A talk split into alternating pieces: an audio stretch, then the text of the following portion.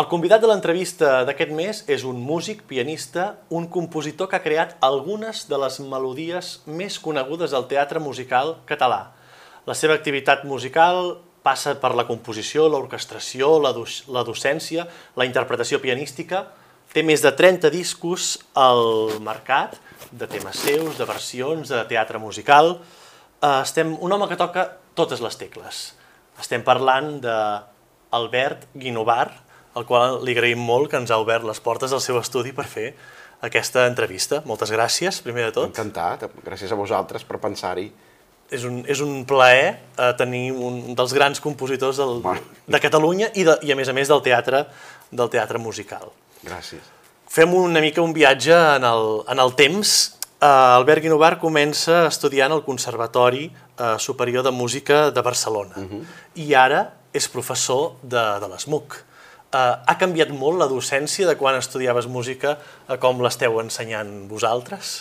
Home, sí, sí, sí. El, a veure, a l'època, a la meva època, jo sóc del 62, doncs quan els que ens volíem dedicar a la música, que ja era, una, un, ja era un trasbals, diguem-ne, no? perquè no era molt normal dir, doncs jo vull ser músic, però vull dir que els que vivíem amb passió i amb, i amb vocació, normalment, sempre quan acabàvem la carrera dèiem, bueno, i tu on vas? Tu on vas? O sigui, perquè sempre ampliàvem estudis. Aquí ens havíem quedat eh, aïllats per la dictadura, culturalment, i llavors el nivell de la musical no estava comparable a altres llocs. Llavors doncs, hi havia molta gent que s'anava als Estats Units, altres a Alemanya, i jo me'n vaig anar a Londres a estudiar amb la Maria Curcio, que és una gran pedagoga del piano, però piano, vaig estudiar piano. I llavors, esclar, tota aquesta generació que hem estat a fora, que, diguem, clar, ara estem donant classes aquí, jo crec que hem equiparat el nivell, perquè, esclar, som gent amb formació fora.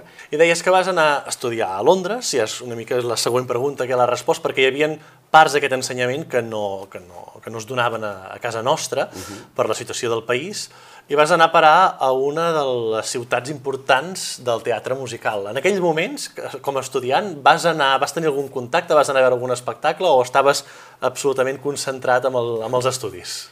Bé, jo estava concentrat amb, amb el piano, bàsicament, que era el que estava estudiant allà.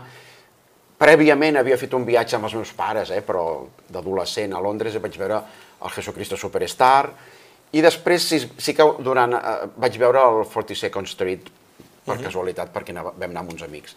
Però no, no tenia jo, vaja, cap, no tenia cap pensament de... No és que jo fos un aficionat al teatre musical. Eres el pianista de la Victòria dels Àngels, un nom de majúscul també a casa nostra a Catalunya, no? Sí, bueno, com que sempre vaig combinar, eh, sempre he combinat, vaja, els dos vessants, el de pianista i el de compositor, doncs sí, sí, vull dir que, clar, hi ha molta gent que inclús no pensaven que fos la mateixa persona, no? El que estava allà tocant, estava tocant. el que estava tocant Schubert i després feia una peça de teatre musical, vull dir que, que jo he combinat els dos vessants i sí, amb la Victòria dels Àngels, així és com la Maria Curcio va ser, diguem-ne, la persona que em va ensenyar tot el que jo crec que sé sobre música, la Victòria m'ha ensenyat tot el que sé sobre d'estar en un escenari, no? O sigui, era un mestratge continu. A més, jo vaig agafar, diguem-ne, els últims anys, doncs, que, que ella ja no, no tenia aquella plenitud vocal i que, per tant, suplia allò amb una musicalitat i amb una comunicació. O sigui, el sentit de la comunicació de la Victòria era impressionant. O sigui, que a vegades, doncs, doncs deies, bueno, doncs clar, potser ja no és el virtuosisme que podia tenir, però amb una cançó i res, que tenia un àmbit així, creava tanta música i tanta màgia que valia la pena només per aquella cançó. No? I d'això se n'era conscient ja en aquell moment o n'has sigut conscient més tard, de, de que allò era una, cada, uh, una masterclass cada cop sí. que estaves amb ella, no? No, jo era molt conscient perquè, clar, jo ja tenia, vull dir que jo havia fet moltes coses amb música, havia acompanyat altres cantants, cambra, vull dir que, com a, i a més, esclar, jo l'admirava ja abans de conèixer-la, o sigui, coneixia la seva Mimi, vull dir, tota la uh -huh. Butterfly, tota, tots els testimonis um, discogràfics, no? inclús l'havia anat a sentir, i clar, quan em van demanar a veure si volia fer la prova d'acompanyar-la, i, i, i li vaig agradar, doncs clar, per mi va ser vaja, un, un regal no, del cel, i vam fer més de, està documentat, eh, però més de 100 segur, no sé si 120 o concerts o així. Que, que es diu molt aviat, això, sí, sí, i, més, i més avui en dia. I per tot el món, vull dir que vaig tenir també la sort de trepitjar escenaris importantíssims amb ella. No? Sí que una cosa que, que crec que és molt palpable al llarg de la, de la carrera de, de l'Albert Guinovar és que és un, crec que és una figura que uneix mons. És a dir, que hi ha una part que el, el coneix com el compositor de teatre musical, però hi ha una altra part que el coneix com un pianista clàssic, com un orquestrador, mm -hmm. com, un, com dos mons aparentment que potser no es troben, però que d'alguna manera eh, s'ajunten amb, amb, amb la teva figura. Això Uh, crec que ho ha fet també altres persones que són grans, com per exemple Leonard Bernstein, no? Uh -huh. uh, és una persona que tothom el vol, el món clàssic, el món modern, el món dels directors, no? Sí, sí, sí. Crec que, crec que el Bergui Novara a casa nostra compleix aquest paper. No sé si t'hi veus una mica amb això. Sí, a veure, modèstia a part, diguem, eh? però a més m'agrada molt que, que, que facis èmfasi en això, perquè el, jo precisament he fugit bastant sempre de l'especialització, perquè crec que és una mica el que mata les uh -huh. coses, no? La música jo crec que és... La, la música és música, i llavors, per un músic. Sí, sí. I llavors a mi fer música m'agrada, sigui per teatre musical, sigui per un ballet, sigui per fer un anunci, una banda sonora, o per tocar en una sala de concerts. I aquesta especialització que hi ha, doncs, és que els que fan música antiga només fan música antiga, els que fan contemporània fan contemporània, els que fan ara, per exemple, ara em trobo jo, eh, últimament, doncs, bandes sonores o mm, teatre musical, fan només això, i només, i només es coneixen aquest estil, i no escolten res. Jo trobo que per fer teatre musical, vull dir, està, has de conèixer tot el teatre musical, però has de conèixer òpera, has d'haver sentit, i, i, i música sinfònica, vull dir que, per, saps, banda sonora es passa el mateix. Des que està tot molt reglat i, i s'estudia a les universitats, perd espontaneïtat i personalitat, no? perquè tot està com, com ja saps el que funciona, i per això jo penso que aquesta especialització que jo sempre he defensat anar en contra, diguem, l'especialització ja en el món clàssic, o sigui, quan deien és que jo m'especialitzaré en música espanyola, deia algú, no? Jo em trobava que, a veure, per tocar bé Granados i Albéniz, has de conèixer bé Beethoven, Chopin i Schumann, vull dir que no pots tancar-te en una cosa petita. I crec que tot aquest alimentar-se de totes les disciplines musicals i de tots els grans autors de totes les èpoques enriqueix no? la, la part, eh, el coneixement de cadascú i, per tant, la personalitat que sortirà. Sí, sí, una mica per això posava aquest exemple d'un gran mestre, crec que és el Leonard Bernstein, que és mestre clar, de tothom. Clar, perquè a més, a veure, Bernstein per molts és un dels grans directors que ha Exacte. existit, però és que, és clar, ha fet segurament el millor musical que existeix, que és West Side Story, i després té, per exemple, té tres sinfonies fantàstiques i té música de concert fantàstica, la missa, que és una cosa estranya però que és sensacional, no? O sigui que m'agrada molt, diguem-ne, doncs que, que pugui estar com una mica en un racó al costat sí. d'ell, no? I a veure, l'interessant d'un qualsevol creador és tenir um, una personalitat, no? Tenir una cosa que et distingeixi, um, no artificiosament, vull dir que no has de dir a veure què puc fer per ser original, no, no, precisament has de ser autèntic i fer amb el que creus, però com, més, vull dir, com més coneixements tinguis, doncs també la teva autenticitat creixerà, no? Per tant, estaves adquirint aquests coneixements cap a l'any 87 sí. i de cop i volta surt un anunci de com va ser això, de diu, es necessita un compositor per fer ah. un espectacle de teatre musical. Bueno, no, va ser així. Jo, de fet, tenia, jo tenia les meves velaitats, o sigui que jo, la meva carrera era de pianista i, i estava enfocada cap aquí, no perquè no m'agradés compondre, perquè jo ho feia, però no m'agradava, diguem-ne, la, la música acadèmica, no? que encara, encara veu bastant d'això, però sobretot en aquells anys era molt d'experimentació, una mm -hmm. música molt d'investigació, i a mi la música jo la, la, la visc visceralment, la, la visc diferent, no m'agrada massa la, tot el que és el pensament, no? I llavors, clar, que no m'interessava aquest, estil de, aquest estil de compondre, però bueno, jo anava fer les meves coses també i les ensenyava als amics, i un d'aquests amics era, bueno, una amiga, era la Isabel Soriano, una amiga meva al conservatori doncs, que a final de cursos jo l'acompanyava i que havia muntat òperes i això, al conservatori. I llavors ella havia estat en el cor del Mikado. I llavors em va dir, escolta, tu saps que ara faran, després del Mikado de Goll de Gom, volen fer un musical autòcton, vull dir, tot autòcton, amb gent tot d'aquí, però no saben a quin compositor demanar-li, i han fet com unes trucades uns quants compositors, és a dir, que fan com unes proves, mm -hmm. però no un concurs obert, sinó que com tancat, no? Diu, però si tu, com que ella coneixia que a mi m'agrada fer aquesta música melòdica i agradable, diu, si vols els dic que, que, que, que, que facis tu la prova. I jo vaig dir, home, dic, per mi seria fantàstic. Em van donar dues lletres, una cançó i un cor, eh, que era la cançó d'Osman, i el cor era l'aigua per pietat, que en aquella època es deia aigua, pa, pietat però clar, semblava que es deixessin la lletra de per, i al final vam canviar aigua per pietat, no? I la cançó d'Osman, vaig fer la cançó d'Osman, que no és la que es canta ara, vull dir que va ser una altra cançó d'Osman, que després la vaig canviar, però bueno, jo vaig fer aquesta prova, esclar, en aquella època no hi havia ordinadors, vull dir que es va gravar amb un Revox, i amb els cantants del Mikado, jo tocant el piano, i jo res, me'n vaig tornar, això era unes vacances de Nadal, me'n vaig tornar a Londres, que aquell any jo ja havia decidit quedar-me allà, no? I llavors, la, la, quina va ser la sorpresa quan em van comunicar que m'havien triat a mi, no? Que amb 25 anys, sense cap currículum musical sí, però vull dir, no cap currículum de compositor, ni menys en el món del teatre, per tant va ser un risc per part d'ell, jo crec, molt gran, perquè havia fet coses sempre molt petites i de piano, no? I de cop i volta, doncs, esclar, em proposen fer un musical de dues hores i mitja. Llavors és quan, quan t'he dit abans doncs, que, esclar, aquella setmana vaig començar a veure, havia vist alguna, em sonava el que era musical, però vaja, no... I llavors aquella setmana vaig veure, esclar, recordo Into the Woods, que era l'estrena mm. a Londres de l'època, El Fantasma, Els Miserables, eh, no sé, tot, tot, el que hi havia en, en, en aquella temporada, no? Germans de sang, vull dir que va ser tot, uf, veure moltes coses diferents, veure molt d'això, em va enamorar molt el gènere, bueno, jo no sé si parlar de gènere, o el, diguem-ne, el teatre musical, perquè, és clar, entre Sondheim i Lloyd Webber sí. o Germans de Sang no té res a veure una cosa amb l'altra, no? Sí, sí. Però el que era la música aplicada al teatre, allò em va agradar sí. molt, em va interessar molt arribes, t'empapes de, de, del teatre musical que hi havia en aquells moments, eh, tots els teus referents que, que ja tenies, i com va ser el procés de creació de Divà? Comencem a posar-nos-hi a fer el Maricel.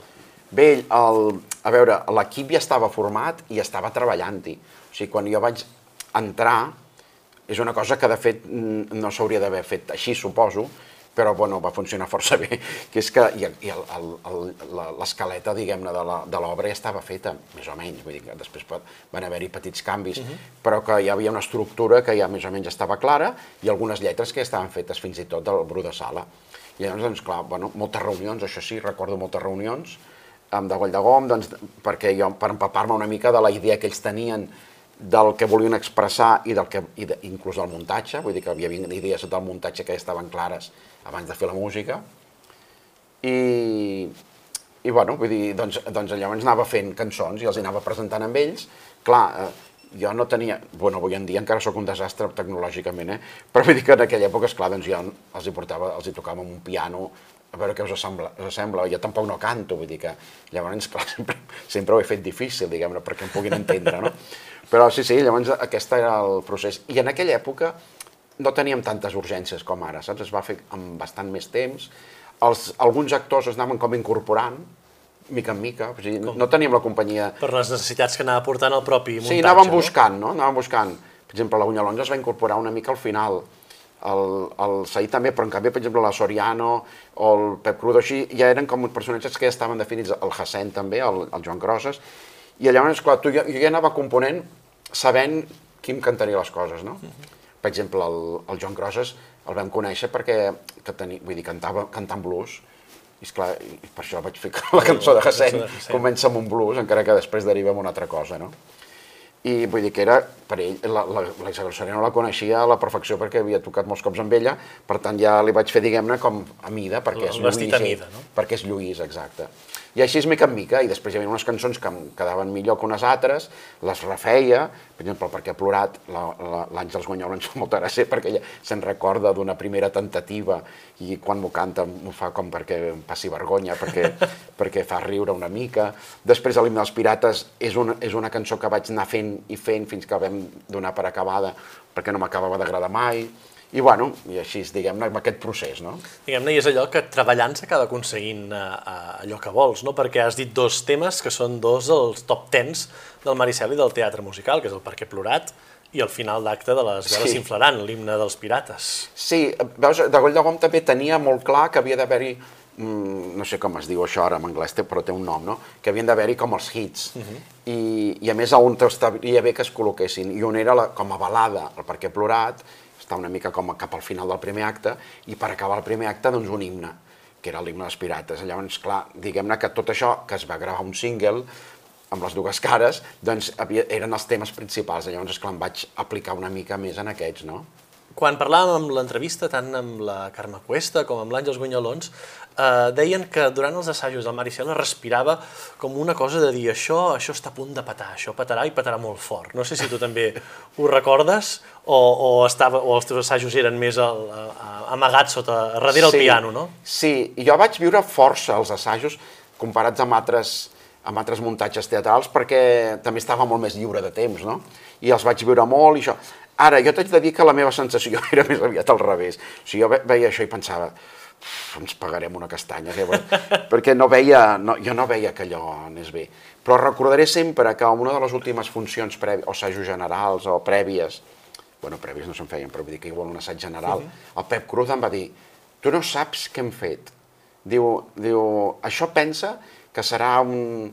Serà, ja hem fet un clàssic del teatre, o sigui, no sé amb quines paraules ho va dir, Sí, sí, però un i llavors, esclar, jo el Pep Cruz, que l'admirava com a actor i era el reverencial i tal, que digués això, em, em, em, em, primer em va agradar molt i després em va intranquil·litzar una mica perquè vaig pensar, jo crec que no, però ja ens ho trobarem. I llavors, esclar, va tenir un èxit ja des del dia de l'estrena tan gran que llavors vaig reconèixer que, era, que jo no en tenia ni idea, saps? Perquè jo pensava que allò no estava bé i resulta que estava molt bé, no? I quan, quan en, en sou conscients de l'equip del Maricel de dir això que hem fet és un... Això que, aquestes mateixes paraules del Pep Cruz, Sí. quan es manifesten a la, a la realitat? La repercussió va ser com molt immediata. Això també t'haig de dir que no em va representar molta feina, eh? Vull dir que va ser com un èxit que no va portar més coses. O sigui, jo, des d'aquí, a part dels meus treballs com a pianista, eh, que els concerts uh -huh. sempre n'he anat fent, fins al Flor de nit no vaig tenir cap... no vaig tenir res. I van passar quatre anys. Vull dir que a vegades un gran èxit tampoc és que... Bueno, el país és el que tenim, no? I esclar, no es poden fer pro- produccions cada, cada any així importants. Però bueno, jo el que sí que puc dir és que el, o sigui, la meva reacció crec que va ser encertada en el sentit de que mm, vaig creure que era una mica injust que una persona que estava tan poc preparada per fer això tingués aquest èxit, no? O sigui, precisament jo no m'ho vaig creure gens. Vaig pensar que això podia ser una casualitat, perquè a veure, la meva formació era de pianista. És veritat que tenia tots els estudis d'harmonia, tots els del conservatori, però la meva, jo la meva carrera era pianista, i llavors jo vaig pensar, mm, a veure, no pot ser. I llavors vaig començar a estudiar molt, molt a nivell, diguem-ne, de composició, d'anàlisi, d'orquestració. Clar, jo el Maricel era la primera cosa que orquestrava.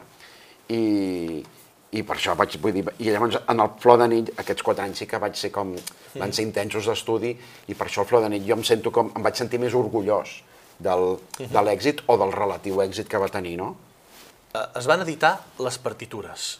Això, que avui Sí. en dia quasi bé és una cosa surrealista, perquè la gent s'ho baixa o el que sigui, però, però segurament això també ha ajudat a que, que aquestes obres hagin perdurat i estiguin a totes les biblioteques, eh, escoles de teatre, i que això es puguin fer aquests temes, no? Perquè, perquè aquest material és accessible Sí, a, sí, a la sí. gent, no? Estic d'acord, o sigui, jo precisament defenso que es puguin editar les partitures perquè jo crec que tant el Flor de nit com el Maricel, que estan editades, va ser una manera també de perpetuar la, la, Sí, sí, el musical, no? Seguríssim. Perquè van passar uns anys, clar, ningú tenia previst que allò es tornés a muntar, encara que després es fent més produccions. I en canvi, doncs, el, el, la, el document, diguem-ne, que la gent podia eh, aprendre a su casa no? i tocar-ho al piano, ha fet, diguem-ne, que es perpetuï més i, per tant, que es, es converteixi en un clàssic. Quan, en canvi, una partitura agrada molt però no hi ha manera d'accedir-hi, només la pots treure d'oïda, no és el mateix, no? No, O sigui que jo crec que amb aquests dos vam fer molt bé. I això va ser gràcies també a l'editorial Boaló, que va, va tenir l'interès de, de fer-ho. I ens anem, com has dit tu, al, al Flor de nit. Uh -huh. uh, com va ser? Uh, és a dir, uh, et van tornar, et van trucar directament, et va, va haver-hi un altre càsting de compositors, perquè ja havies treballat amb, amb aquell equip. Mira, potser semblarà estrany, no?, després de l'èxit del Maricel, però van tornar a fer una pro unes proves, uns, uns compositors, i a mi em van demanar si volia fer-la. O sigui, no em van trucar i em van dir, escolta, volem que facis... amb-" I jo sé que hi ha gent que va dir que no, i jo vaig dir que sí, jo vaig fer la prova, no tenia res a perdre. I llavors vam fer també, recordo, el lockout matrimonial i la cançó Flor de nit. O sigui, per veure una mica el que era una, la cançó de musical, que el Botjo tenia unes indicacions de que volien que fos una mica... No, després no té res a veure, eh? però una mica la idea que fos un musical, però tirant com a Granados. Com a alguna cançó Granados, no sé si volia dir les tonadilles o volia dir l'elegia eterna, però una mica així com que tingués un, una flaire una mica com de música nacionalista espanyola, no? I després, per l'altra banda, és clar, un cupler. I el cupler, perquè, és clar tenia el, el Flor de nit aquest doble vessant, no? És una mica sí. com un musical dintre d'un altre. I la música de gènere. I llavors, doncs, mira, vaig fer les dues, que aquestes sí que són les que, les que van quedar, i em van tornar a triar a mi. Jo també entenc que, a veure, ells, després d'haver fet el Maricel, que és una música així com, diguem-ne, pseudo-sinfònica i èpica, amb un bons líric, potser no em veien capacitat de fer després un pas doble o un tango, no? i mira, vaig passar la prova. Del, del Maricel, que és segurament el, el musical català més recordat pel, pel gran públic, sí que és cert, i jo l'he escrit i batejat així, que el Flor de nit per mi és el musical de culte català, perquè crec que és, eh, és, és un dels... Per mi és el top 10 que ha fet el, el de Goll de Gom, eh, amb, amb tots els aspectes, a nivell escènic, mm -hmm. musical... Eh, això, eh, malgrat Flor de nit va està a punt d'arruïnar la, sí. la companyia, perquè mai va arribar a sortir del Victòria, que també és una reflexió a pensar del país, no? de dir, ostres, quan fem alguna, sí. alguna cosa així i que això arruïna els seus propis creadors, eh, sap, sap greu, no?, aquestes coses. Sí, sí, sí. Però, diguem-ne, el fet de, de Flor de Nit a nivell musical hi havia això, no?, era, una, era més ambiciós, més complexa potser pel fet això que hi havia la música del paral·lel, que ja és una música mm -hmm. molt mhm. concreta, no? de, de, dels couplets de, de, de, dels, dels anys 20, sí, sí, sí. la música del gènere, a més a més també hi havia diferents classes socials, no? que amb sí. les festes de l'aristocràcia, tot això està molt, molt ben reflectit amb la música, és a dir, que hi ha un treball eh, majúscul i, i, i, bueno, i que és molt palpable i evident, no? Bueno, moltes gràcies. Sí, home, vam fer molta consciència, vam treballar molt, també moltes reunions, Clar, a més vam tenir el, la sort de comptar amb Vázquez Montalbán per fer el text, eh, que trobo que l'argument és preciós, no? Reflect, reflecteix molt la Barcelona d'aquella època, la Catalunya d'aquella època. També van dir això que era un dels problemes, que era tot massa localista. O sigui, no, van dir, no, això a Madrid no ens interessa, saps? Perquè parlava molt d'aquí però bueno, jo crec que és fantàstic. Sí, però amb tot el que està passant socialment avui, crec que està molt bé reivindicar-ho. És important, i a més, per exemple, l'any 92, esclar, era l'any de la, de les Olimpiades, per tant hi havia com tota una sensació de renovació de coses i jo trobo que van lligar-ho molt amb la, també amb l'enderrocament del teatre, on troben la flor de nit, etc. Vull dir que tenia, tenia molt de sentit. És veritat que potser tenia una ambició molt maximalista, no? O sigui, volia abarcar-ho tot, explicar-ho tot, uh -huh. molts gèneres musicals diferents. Um, o sigui, tot era molt ambiciós i molt agosarat, i a més era com políticament arriscat, o sigui, era impli... hi havia una implicació política, és que la Bèria Vázquez Montalbán doncs, era indestriable, no? Però precisament per això jo crec que potser ha quedat en el record de, de molts que els, els hi va agradar doncs, com, com un musical de, el musical de culte, vaja.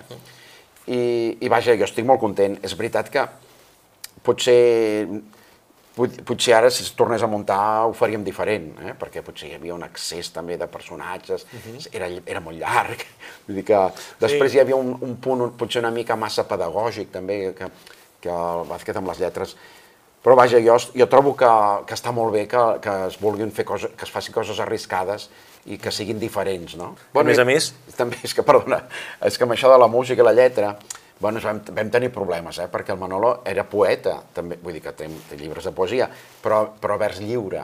Llavors, esclar, a l'hora de fer lletres per cançons era molt problemàtic, perquè, eh, perquè jo deia, però és que, és que esclar, no, no puc repetir res, o sigui, la, la cançó Flor de nit té, té tres estructures, però perquè, és, perquè no en sabia, diguem-ne, reproduir-les, no?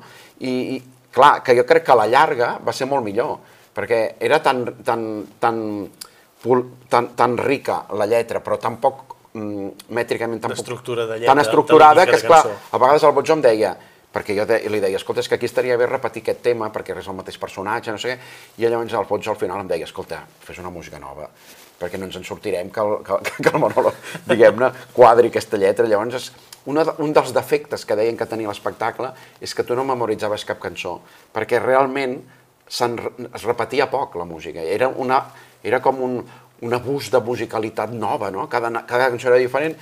Jo, en la mida del que vaig poder, en el, sobretot els instrumentals, doncs sí que eh, treballava el leitmotiv, no? Uh mhm. -huh. Igual que el Maricel, però el Maricel vaig poder jugar molt més, perquè el Bro de Sala en aquest aspecte era molt més, mètricament, doncs molt més uh, organitzat. I al final, doncs, el Flor de nit va quedar... I, el, i moltes lletres també, doncs, que el Botzó va ficar mà i, i les va arreglar, no? Aquí també ja, ja tenies uh, els actors?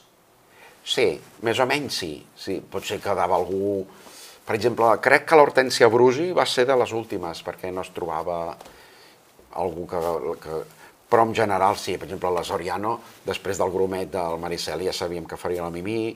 Uh, Flor de nit va ballar una mica, per això hi havia dues Flor de nits també, uh -huh. que era la Carme Cuesta i la, la Montse, que per cert els músics anaven una mica de bòlit perquè, perquè fèiem tons diferents quan era la Montse o la Carme, vull dir que no era allò, no era sempre el mateix i canvia el cantant, Sí, doncs... sí, però vull dir que més o menys teníem els, sí, els actors, el Pep Cruz també pel Tonet, i, i sí, o sigui que, que jo sempre he tingut, bueno, almenys en aquests dos, molt, molt en el cap qui, qui, la sort d'això, no? Vull dir, a més amb grans actors que vam poder cantar o grans mm. cantants. I a més a més, ara en perspectiva, és un espectacle que això, no sé si se n'ha fet gaires més a Catalunya o no se n'ha fet cap més, que hagi tingut una, un concert que es va fer, Teatral Net, que ah, va fer sí. un concert, i a més a més una versió off eh, cabaret fa quatre dies a l'Almeria Teatre. Això sí. també diu, ha de dir alguna cosa, crec. Sí, sí, sí, sí, per això que tu dius que potser pel gran públic no, però pel públic més amant dels musicals és com el, el referent, no? Llavors, doncs sí, sí, Teatral Net va tenir aquesta ocurrència, que és, un, que és després on ha, ha desembocat amb la nit de, te, de, la nit de musicals que es fa al grec, no? però la primera idea va ser doncs, fer un aniversari, que em sembla que era el 13 aniversari de la pàgina web. Jo sóc molt amic de l'Albert Miret, que és el, el responsable i director, i llavors ell va tenir aquesta idea i va ser molt bonic, trobo, perquè era molt com a l'americana, no? d'implicar tota la gent de, més o menys, tota la professió del, del moment, o sigui que es anaven repartint els papers mm -hmm. i mhm. També gràcies al, al Xavi Torres que va posar tota l'energia per muntar l'orquestra, bueno, vaig orquestrar-ho jo només per aquest concert, perquè, és clar, allò era una orquestra, orquestra. mentre que l'altre era un ensemble, vull dir que vaig orquestrar, però bueno, el Xavi va fer tota la direcció, el David Pintor també, vull dir que es va implicar molta gent i va ser, bueno, molt, la veritat va ser molt emocionant, no? I el fet de després que el mateix Xavi Torres feia la, la direcció musical del cabaret, Flor de nit al cabaret, sí.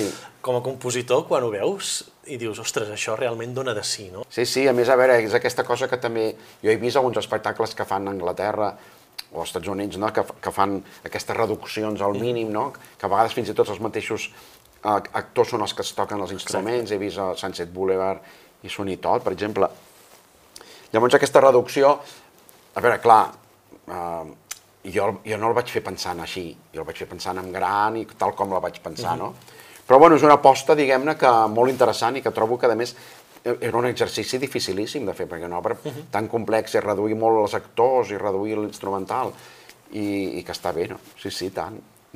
I després del, del Flor de nit, hi ha un mini espectacle que, com acostuma a passar en aquests mini espectacles, passen desapercebuts amb l'Isabel sí. Soriano, per la gent que li va sí. passar totalment desapercebut amb un teatre que ja no existeix, que era l'Art en Brut, Brut no? sí. uh, el Desconcerto. Què era? Doncs la, la, la Isabel Soriano va plantejar fer alguna cosa junts quan vam acabar el Maricel. Bueno, una cosa per ella. O sigui, allò que es diu One Woman Show, no? I ella, aprofitant totes les seves virtuts, que són moltes, és a dir, que feia d'actriu, feia de cantant, ballava, eh, tocava la viola, perquè ella és instrumentista de viola, i a més va fer el text i l'argument. I llavors, esclar, més, més no es podia, ja no es pot demanar, no? I era una cosa molt particular, o sigui, quan diuen, és que esclar, això estaria bé, abans m'han dit, això estaria bé que ho tornessin a fer, que dic, però és que només ho pot fer ella, o sigui, perquè no Està hi ha actrius de musical que cantin, que siguin bones que, que, i que toquin la viola. Bueno, clar, es pot fer alguna adaptació, però... I va ser una cosa molt curiosa, i vaig haver-ho de fer sabent que me n'anava a Austràlia a fer una gira d'un parell de mesos amb la Victòria dels Àngels, o sigui, va ser com, bueno, quan, abans de marxar, perquè quan, si marxo ja no tinc, clar, avui en dia sí que hi ha mails, però si jo marxava ja no podia enviar res més, llavors va ser com molt a correcuita, però va ser un espectacle divertidíssim i a la gent que, li va, que va anar-hi, perquè és clar, era un lloc petit, li va agradar molt i bueno, és que jo crec que elevava, diguem-ne, ja la potència les possibilitats de la Isabel Soriano. No? Que estàs movent ja en un terreny a part, sense deixar tot el clàssic, piano, concert, sí. però també en un, en un terreny altament escènic i també fas òperes. Sí. Uh, es planteja, te'l planteges diferent el punt de partida del, de l'òpera a l'hora d'escriure de, de, la partitura d'una òpera o d'una obra de teatre musical? Bé, aquesta és una de les qüestions que a vegades diuen que el musical és l'òpera d'avui en dia o... Mm, a veure, jo crec que és teatre cantat, com deies, cantat de manera molt diferent. Uh -huh. O sigui, el teatre, eh, perdó, l'òpera, és clar, és en veu lírica, eh, per tota una sèrie de, de, bueno, vull dir, de la tradició, vull dir que es cantava, sabia, a mesura que les orquestres del barroc anaven a les del romanticisme, es anaven fent més grans, els teatres romàntics són molt més grans també que les sales, diguem-ne, antigues, per tant, la veu ha d'anar superant tots aquells escolls i, per tant, és clar, hi ha una projecció, hi ha tota aquesta veu lírica, etc. Que si no es canta d'aquesta manera, la veu no arriba sense no, amplificació. I llavors, clar, diguem-ne que això ha portat també a un extrem, diguem-ne, de, de, que la música és el que domina, no? O sigui, mm la, moltes vegades la teatralitat, tot i que les últimes dècades tot ha canviat una mica, amb l'òpera també, no? però que l'important, diguem-ne, era l'obra musical, o sigui que l'argument fins i tot podia ser, podia ser fluix, o sigui, hi ha arguments d'algunes òperes molt mm. maques que l'argument és molt fluix, no? Per tant, la part teatral jo crec que és en el musical on agafa molta importància. O sigui, no es pot pensar, diguem-ne, que el musical no et expliqui res i que en canvi la música sigui molt bonica, no? Que a vegades passa i doncs és quan no acaba de funcionar la cosa, no? I esclar, el plantejament també és diferent, perquè normalment quan fas una òpera és un encàrrec, doncs, per exemple, la meva primera òpera era doncs, l'encàrrec de la, la Universitat de Caen, o la segona, l'Alba Terna, era també una orquestra, i el Teatre Fortuny.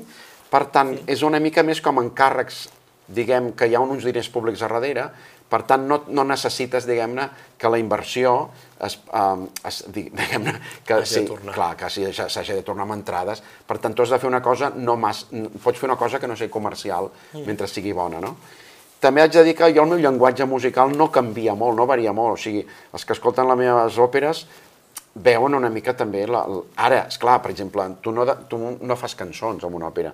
Vull dir, a vegades el vers és lliure, uh -huh. l'estructura és totalment, pot ser un text de dalt a baix que no tingui cap estructuració, per tant, tot és a, a base de la música. I llavors jo faig sempre melodia, però esclar, és més, més que amb estructura de cançons, doncs són melodies infinites, per entendre'ns, no? Ara jo sempre faig melodia, perquè per mi el cant és, és melodia, no?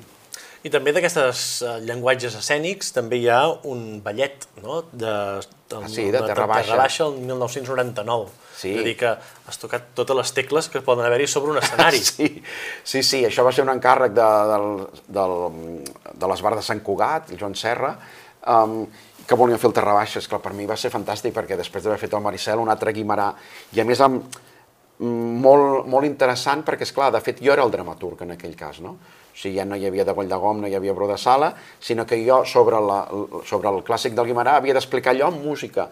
Després, clar, el coreògraf, a partir de la música, fa la coreografia.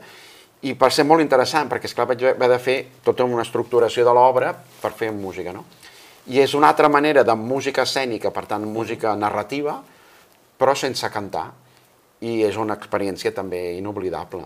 Sí, sí. I on també eh, una tecla que ja no és pròpiament de l'escenari, però que sí que també has tocat, que són en, en la televisió, en la, ah, en la bueno, pantalla, sí. sigui la petita o la gran, no? Uh, sí, sí. Les, les, uh, els serials de TV3, no? Nissaga de Poder, Laberint, etc. Sí, el cor de la ciutat. El cor de la ciutat sí, sí. han tingut uh, melodies de, de l'Albert Guinovar. Sí, sí, jo vaig quedar molt content de la meva col·laboració amb aquestes sèries de TV3, perquè a més vaig com una mica imposar l'orquestra sinfònica en les sintonies, no?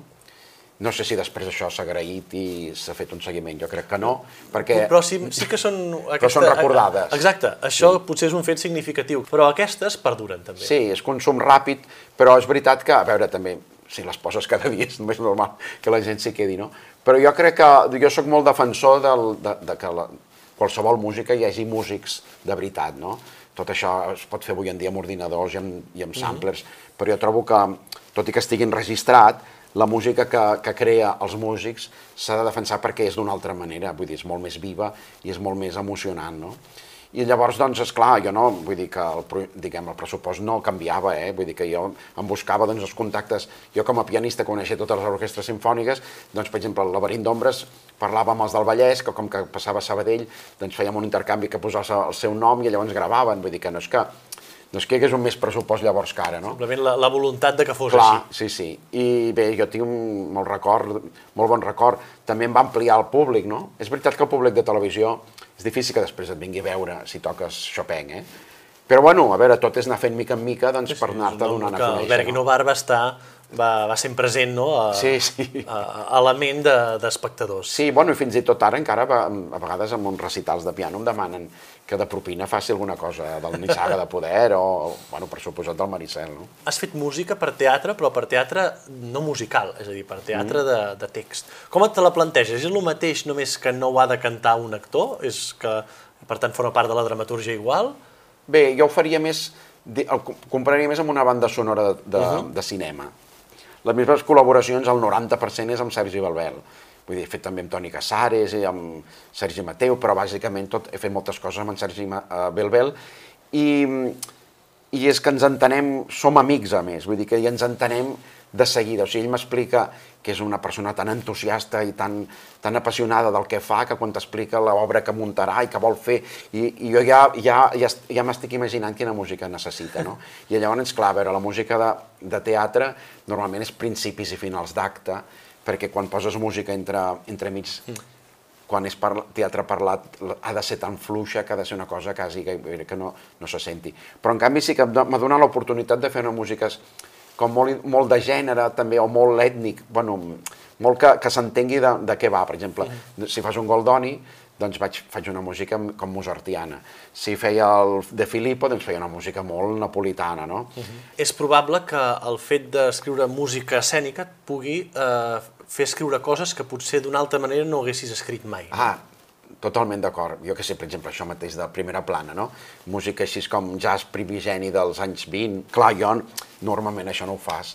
Ragtimes, diguem-ne, o uh -huh. pseudo Gershwin o així no ho fas perquè, és clar avui en dia com a compositor tu fas el, intentes buscar el teu llenguatge, però en canvi aquestes músiques de gènere és molt divertit de fer. Jo que sé, la música així italiana, que sempre he sigut un fanàtic jo, de tots els compositors italians i Nino Rota especialment, no? Tota aquesta música a mi m'agrada molt i per tant m'ha donat l'oportunitat al teatre i especialment al Sergi Belbel i a més vull trencar una llança per directors com ell, que no n'hi ha molts, que defensen sempre que hi ha música de creació en els muntatges teatrals. Exacte. Jo trobo que això és, és veritat que els pressupostos de vegades, doncs, si han de retallar alguna cosa, és el primer que retalla, no? Però, però ens de reivindicar aquests directors que, que, que exigeixen no? aquesta música. I d'aquí també arribem ja avançant amb el temps amb una superproducció que va ser el musical de Barcelona, ah, Gaudí. Sí. Una superproducció que es, veia, que es va fer al BTM, al Palau dels Esports remodelat. Sí. Uh, allà sí que quan escoltes el CD es veu uh, com un Guinovar que ha fet el que ha volgut, no? a nivell musical. No sé si era així. Per tant, sí. eh, és una mica com la maduresa d'aquest compositor eh, escènic, potser que es va, que es va avançant. No sé si, si sí. m'equivoco o, veus, o veus diferent, eh? Bueno, clar, jo he anat creixent també amb el... No? Vull dir, a mesura que anava fent més gran i anava fent més música, doncs vas creixent. I, a veure, jo cada, cada projecte teatral, de teatre musical, afronto una mica com bastant únic, també pensant una mica la, quin, quina, necessit, quina música necessita, quina sonoritat necessita. I a veure, Gaudí, hem de pensar que realment l'argument de Gaudí a priori no és molt interessant, vull dir que lo interessant de Gaudí és la seva obra uh -huh. i el seu pensament. Clar, el, no hi ha massa acció, perquè va tenir una vida com molt monàstica. Llavors, la inter... en canvi, la música sí que podia transmetre tot aquest món interior. I per tant, jo, quan, clar, no va tenir l'èxit que s'esperava, um, en canvi jo em vaig, vull dir, a mi em va saber greu, però vaig, jo vaig quedar sempre molt orgullós de la música, perquè vaig fer, crec, una música que, de la que jo em sento orgullós, que, que és emocionant, hi ha moments, i després vaig poder créixer, com tu dius, doncs, ja no és el musical a l'ús, sinó que era un musical entre que estava més a prop a vegades de l'òpera o de la cantata, doncs que dels musicals de Broadway, no? Uh -huh. Però clar, també ha canviat el nivell dels actors de teatre musical en aquest temps, per tant també et trobes a, a veus molt més preparades per afrontar una partitura molt més complexa, no? Sí. Això també com a compositor també t'ha de donar molta més llibertat. Sí. A veure, va passar exacte que després de l'èxit del Maricel van començar a obrir-se uh, escoles de teatre musical o, o aprofitaven, diguem-ne, altres escoles que existien uh. -huh. per fer incidència amb això. Llavors, és clar, tens gent més preparada. Musicalment, no sé, perquè és clar, vull dir que la gent que va fer el Maricel del 88, hi havia gent en el cor, diguem-ne, que eren gent de conservatori, o sigui que sí, preparadíssims sí, sí. musicalment, no? Ara és veritat que aquesta confluència de molta preparació musical i preparació teatral no, no coincidia. O sigui, en el Maricel o trucàvem a cantants o trucàvem a actors que més o menys cantessin, no? O sigui que no hi havia, Sí, sí, no hi havia no hi havia la- la figura. l'ofici de teatre Exacte. musical. I en canvi, doncs, en el, en el Gaudí sí que, clar, es va, es va fer un càsting amb el Dan Anglès, que vull dir que anava passant gent i gent, i, saps? I, i costava precisament destriar, perquè hi havia gent molt bona, no? I després el Gaudí torna al Maricel. Sí. I llavors aquí, moltes vegades, és com, si ja funciona, deixem-ho estar. Però l'Albert Guinovar va dir que no, i va tornar a reorquestrar tot el Maricel de, Sí. de nou. I a més a més amb alguns temes que són eh, Sí, nous algun o, canvi, sí. algun, o canviats. Bé, el... jo vaig demanar que si es feia que em deixessin revisar la partitura. O sigui, jo quan el 88, abans ja t'ho he explicat, era la primera cosa que orquestrava i el 2004 era professor d'orquestració de l'ESMUC. No em podia permetre que allò sonés com un principiant, saps? I llavors vaig fer la partitura de la baix exacta, o sigui, no queda ni una nota del, de l'original, cosa que quan em vaig a les ràdios i em posen el, el CD del 88 em poso negre, saps? Perquè dic, a veure si vaig canviar per millorar, penso, eh? És veritat que a vegades alguns cantants t'agraden més els d'una edició que uns altres, eh? Però el, bueno, vull dir que jo... Després alguna cançó, per exemple, hi havia molta gent que em deia m'agradava més la del Hassen d'abans, eh? Hi ha molta gent El que... Hassen, el Joanot, que són, exacte. Però és clar, això sí que, veus, jo no ho vaig decidir, eh? Em van, em van forçar una mica a canviar-la perquè deien que, no, que era com un bolet, que no tenia, cap, no, no tenia una estètica, no tenia res a veure amb la resta de cançons, que és veritat, vull dir que això ho vam fer perquè el Joan Crosses cantava molt bé el blues, i, i llavors vaig conservar el que és l'estructura B, però l'estructura A la vaig canviar, no? que jo crec que és més, vull dir que queda molt més integrat. Ara, sempre hi ha gent que sempre li agrada més el d'abans, eh? Segurament també perquè el Maricel eh, ha marcat eh, emotivament a una generació, no? I llavors és Clar, com gent que allò que escoltat- vaig veure allò... No, i que ha escoltat mil vegades el exacte. CD, que esclar, després van els hi canvies. I després, per exemple, ara, quan l'última, quan el Pep Cruz es torna a incorporar per fer de Joanot, va dir, sí, jo faig Joanot si torno a fer la meva cançó. Sí, però no, no, la no la del 2004, jo vaig dir, bueno, i llavors vaig fer com un, vaig fer un entremig, vull dir, vaig recuperar una mica la primera, però fent algun canvi, no? El Maricel també va arribar a Alemanya. Sí, Uh, això ho, va, ho, ho vas veure? ah, sí, sí, i tant. I, i, I com és el fet de que aquelles paraules sonin tan diferents a la que estàvem acostumats aquí a la versió catalana, Sí, havia fet la castellana, castellana, per, també. per anar a Madrid, però amb alemany ha de sonar molt diferent, no? Sí, home, era molt xulo. Um, això va ser doncs, el Helmut Forsche, que, que va veure l'espectacle, li va agradar molt, un, director alemany, i ens va proposar doncs, de traduir-la i intentar-la col·locar a Alemanya. I llavors, a veure, a Alemanya tenen un...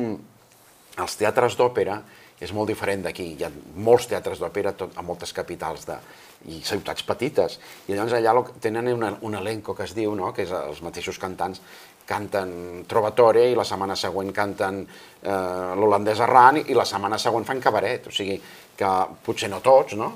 Però vull dir que, que van, van, i el cor canta tot el... I llavors durant l'any van, doncs jo què sé, doncs el dilluns fan el cabaret i el dimecres fan l'holandès Arran i el, i el Trovatore el fan el dissabte i la setmana següent comencen, torna a començar i van fent així, que és el, el que es diu un repertori, no? I llavors, esclar, anava a un teatre d'aquests fer el Maricel, o sigui, no, anava, no va anar a un teatre de musicals, no? I llavors, esclar, va ser molt interessant, primer vaig tornar a orquestrar, i ja havia fet una altra vegada, però per orquestra sinfònica, perquè esclar, això era amb orquestra, no hi havia teclats, i després, clar, hi havia coses com que el cor era cor. Clar, no Nosaltres al Maricel, el cor són els actors que després fan altres papers, no? Sí. O sigui, l'àrea de la mare, doncs després la que- fa l'àrea de la mare, després és la soprano, una de les sopranos del cor, Sí. no? Etcètera. Vull dir que en canvi allà teníem un cor que només feia de cor, no? I els personatges, es... clar, jo què sé, doncs igual el Hassen és, després feia Botan, eh, o la Mariscala de, de, de, de, de Strauss ens feia l'àrea de la mare només, no? I és clar, era, per mi era com una cosa inaudita. I després, clar, la sonoritat en alemany li donava com, com una transcendència, no? Que a mi m'emocionava, perquè jo sóc a més, clar, com a músic de formació clàssica, per mi sóc molt germanòfil, vull dir, tota la música alemana i l'alemany en si m'agrada molt. O sigui que va ser molt, molt emocionant. Sí, sí. També hi ha una altra cosa, una petita pinzellada, no?, que es va fer amb la Laura Simó, que era de, del paral·lel i Broadway. Ah, no? sí, sí. Un... És a dir, que, Està molt bé, sí. que, que tornava una mica al, tot, eh? bueno, un buscat és que, però, però, però perquè, perquè no pares quiet. Bueno, o i sigui, perdona, que jo ara no, no voldria deixar de mencionar també que el Joan Vives, que és el que compositor, etc, Sí. i lletrista, però també va dirigir la, la producció de Barcelona del 2004 Sí. i se'n va i va xupar-se, diguem-ne, també tota la producció d'Alemanya, que jo el vaig anar a veure un parell de vegades perquè, és clar, allò era un, era un clima molt fred i estava allà amb els assajos, i, però vull dir que Joan Vives que va fer la direcció musical del, del 2004 i del, Sí, sí, del i, la, 14. i la, sí, i de, doncs també d'Alemanya. I bé, i el, ah, això em deies amb la Laura Simó, sí, això era perquè era la primera residència que es feia a la Sinfònica del Vallès, i bé, i llavors a mi em vam agafar una mica tot el vessant, vaig fer tres concerts, un d'ells vaig estrenar un concert per i orquestra, i després un volien que fos una mostra, diguem-ne, de la música de, música de, de musicals, amb l'Edmond Colomer, que va ser el de la idea. Llavors ell tenia també la idea de que amb ell havia vist aquells concerts sinfònics que la Sara Bogan cantava jazz amb, amb una orquestra per darrere, i llavors vam fer aquesta idea, i com a cantant de jazz jo vaig proposar a la Laura Simó, amb la que he fet moltes més coses i que trobo que és una cantant extraordinària. I un altre dels musicals que no va tenir una gran repercussió, però que l'Àngels Bunyolons va destacar ah. que s'ho va passar molt bé i la, i la seva i la partitura va destacar sobretot, que era una partitura magnífica, era el Paradís. Sí, sí, jo estic... M'encanta el Paradís. Uh, va ser una iniciativa eh, que vam fer amb el, bueno, amb el Jordi Galzeran, fa molts anys que ens coneixem, que hi ha amistat, i abans de fer el, el, el Gaudí ja havíem començat a fer el Paradís. El que passa és que després va sortir l'encàrrec del, para, del Gaudí, que de fet tinc entès que ell em va imposar una mica, vull dir que de fet era ell el que feia Gaudí, no? I ell em va imposar una mica com a compositor, i que, cosa que li haig d'agrair, i llavors havíem fet ja el Paradís i el, vam, i el vam després tornar a muntar. Primer per uns tallers de l'Institut del Teatre, perquè ell tenia una idea que és de reivindicar una obra petita, que és Civilitzats tanmateix, de, del Carrasol de Vila, que ell creia que, a més, fet un, havien, l'havien piratejat, havien fet inclús una pel·lícula Amèrica sobre el que havia, un francès que va fer una obra sobre aquest argument, i ell volia reivindicar això. Llavors el to era d'alta comèdia, i, és clar la música, um, que per això passa als anys 20, um, de l'alta burgesia catalana, no, perduts en una illa, del, vull dir, una illa deserta, doncs el, el to de la música vaig voler que fos molt Cole Porter, per entendre'ns, i la lletra també de l'Esteve Miralles era molt, era molt així, i, jo vaig pensar, bueno, a mi trobo una obra deliciosa. I també de, de, de musicals, per anar avançant amb el temps, ens anem a una d'aquelles coses que potser no hauries escrit mai si no fos un teatre musical, la música d'aquesta aquest, obra, que és La vampira Ah. del Raval, no? Sí, sí, sí. Bueno, la vampira del Raval també té una bona anècdota, no? Que és que es veu que truc... Bueno, vull dir que anaven... No sé per què el, el, el projecte tenia un, un compositor que, que al final va fallar o que no va poder-ho fer, no sé. I llavors el Jaume Villanueva anava com desesperat buscant compositors que, que poguessin fer això. I, bueno, havien trucat a més gent i el, i el Joan Vives el, no la va poder fer i llavors es veu que li van dir, bueno, però truca a l'Albert Guinovar home, no, el Guinovar no, perquè ell no podrà i tal. I llavors quan em va trucar jo dic, però escolta, a veure, si anem així jo mai faria res, vull dir, clar que has de... I llavors m'ho va proposar, em vaig llegir el text i vaig pensar, ostres, això és molt arriscat perquè era una mica arriscat el tema i a més era una cosa que no tenia res a veure amb el que jo havia fet, era, mm, però al mateix temps em va treure molt perquè era, podia fer una música precisament que no s'assemblava a la que havia fet fins llavors, per tant era un repte, no sabia, jo no coneixia el Jaume, no sé què podia ser, però havent-hi també el Pep Cruz en l'elenco, diguem-ne, vaig pensar, bueno, això és una garantia, i em vaig llançar de cap, perquè, perquè a més és que corria pressa ja, o sigui, ja s'havia d'estrenar, no hi bueno, estrenar, diguem, tenia una data, i, i, no, i llavors vaig començar a compondre, aquest com musical sí que amb moltes coses al mateix temps, o sigui que no és com quan vaig fer Flor de nit, que podia dedicar-me amb cos i ànima. No, no, estava fent música sinfònica, fent concerts, i llavors de tant en tant els enviava una cançó, no? El 2012, el, el viatge a la Lluna, no? Bueno, era com una continuació, Exacte. o sigui, el, el, Mont- sí, perquè a més, no sé si això es va fer pel centenari de Montsalvatge, i van fer aquesta obra que dura 20 minuts, i llavors ens- se'ns va proposar de fer com una continuació, què passaria, no? Això el, el Morter Ensemble, i amb el, bueno, jo tenia moltes ganes de treballar amb el Pau Miró, vull dir que això va- l'encàrrec era pel músic, no? A vegades és al revés, l'encàrrec és pel llibretista i, el, i suggereix un nom. I llavors jo bueno, em va encar... em pensava, doncs això qui podria fer-ho? I jo vaig dir, si pot fer-ho el Pau Miró m'agradaria molt. I vaig tenir la sort de que va poder. I bueno, va ser una cosa amb la que ens ho vam passar molt bé, molt de cara, això sí que era com, clar, l'en- l'en- l'ensemble era el que encarregava, per tant, el, el, la base, bàsicament era l'orquestra, no? Però després hi havia dos cantants que, bueno, que va canviar el, el Cobos i l'Anna Moliner, o l'Ivan Lavanda i la, Xènia. la Xènia Reguant, exacte, amb, amb des temporades diferents, i que, bueno, era un espectacle molt, molt divertit, no? I el, I el primer concert de la nit de musicals va ser dedicat, a, que és un èxit la nit de musicals, és uh, un, omple teatre grec i dos Sí. cops, i la prèvia pràcticament també està, també està, pre, també està plena. Uh, I el primer va ser sobre Albert Guinovar. Sí, això, bueno, li haig d'agrair tant a l'Albert Miret com al David Pintor, que és el que muntava, que la, la, idea, la idea no era que fos música meva, només. Però el David Pintor va dir, li va proposar al Miret, diu, escolta, és que jo crec que com a presentació d'això estaria molt bé que diguéssim, nosaltres també tenim musicals catalans i centrar-ho tot en un compositor, i va ser així, no? Va ser una feinada perquè, és clar, la, la, banda, sinfo, la banda de banda Barcelona, municipal, que era, diguem-ne, la que també tenia el concert al grec, clar, vull dir, jo no tenia escrit res per banda dels musicals, llavors vaig haver de- d'orquestrar tot per banda, però va ser molt bonic. eh, A més, vaig tenir la Mona, el Toni Vinyals, l'Ivan Lavanda, els Déu de Veu, la Nina, o sigui que... El, Sí, sí, el Xavi Fernández, l'Helena Gadel... Exacte, el Daniel Anglès. Exacte. I va ser, bueno, un- un lujo que es diu, eh? Vull dir que va ser, va ser fantàstic poder sentir la cançó del Remei per la Nina, per exemple, no? O, vull dir, o, o coses així com més... I vam posar una mica de tot. Vaig posar Paradís, vaig posar La Vampira, i allà, a més el canviàvem, no? Per exemple, el Cercer l'Amur del Gaudí, que és per, que cantava la Moni, en canvi el va cantar l'Ivan Lavanda, no? O sigui que va ser una nit de, music, de musicals per mi molt especial. Sí. I de, també amb la banda municipal vas fer fa, ja fa quatre dies un concert que es deia dels miserables al Maricel, no? que era també Ah, sí. allò mateix, no? el possiblement públic que mai hauria trepitjat l'auditori va entrar allà i, i potser el gent de l'auditori ha anat a veure espectacles, no? allò que dèiem Sí. d'anar relacionant mons. Clar, jo tenia, ja fa anys, vaig fer sobre temes del Maricel un concert, un concert a lo clàssic, amb tres moviments, que jo agafava els temes i els desenvolupava de la manera clàssica, el, perquè el primer, el primer moviment, per exemple, és l'Estic sola i la cançó de Ferran, el segon és el Perquè plorat, i el tercer moviment és l'himne dels pirates i la cançó de la mare.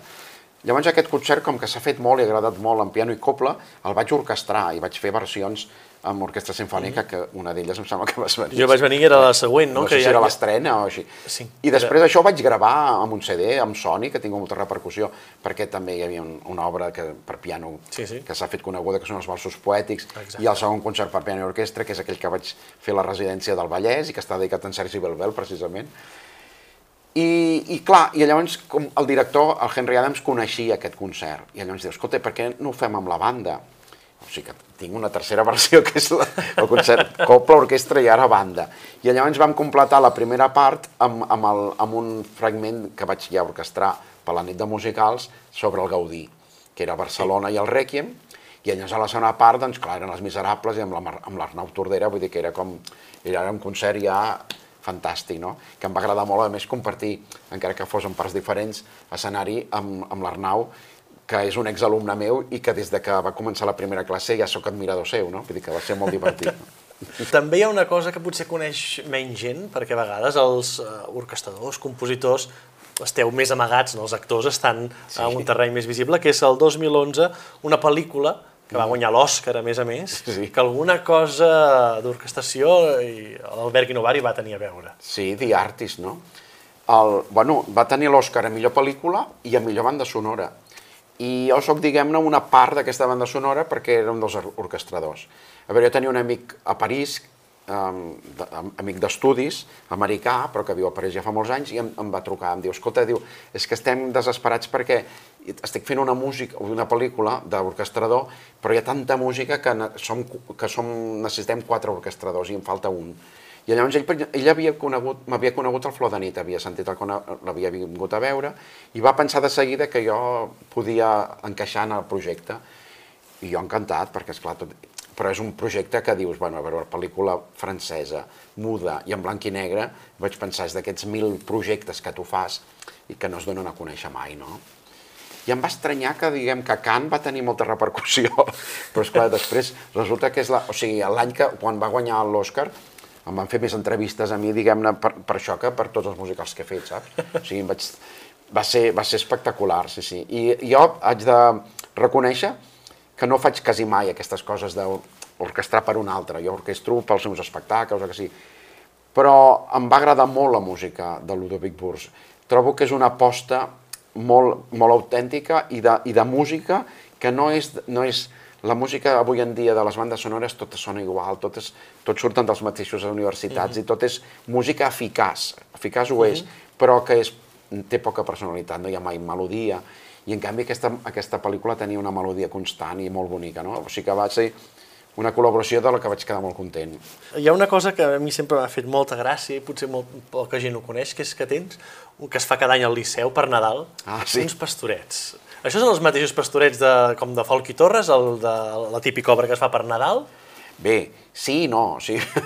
El, això també és amb el Jordi Galzeran, un projecte que vam fer junts, per la, pel cor Vivaldi. El cor Vivaldi és el cor, bueno, és un cor excepcional de veus blanques de l'escola Ipsi, assagent cada dia, i a l'Òscar Boada, que és un director extraordinari, que ha fet aquest cor fantàstic.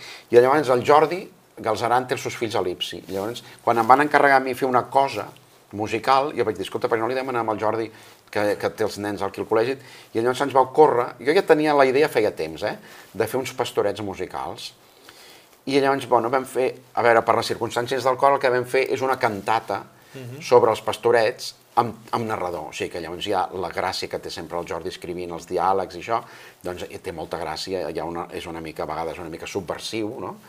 Però, però vaja, vull dir que, i llavors, esclar, tot això està reduït a una hora. I per anar acabant ja, l'últim és l'escaramuix, no? Mm -hmm. L'escaramuix que vas tenir una part important perquè, de fet, la idea ve donada de dir, d'una insistència teva, ens van explicar, no, de dir, fem sí. això, això és un musical.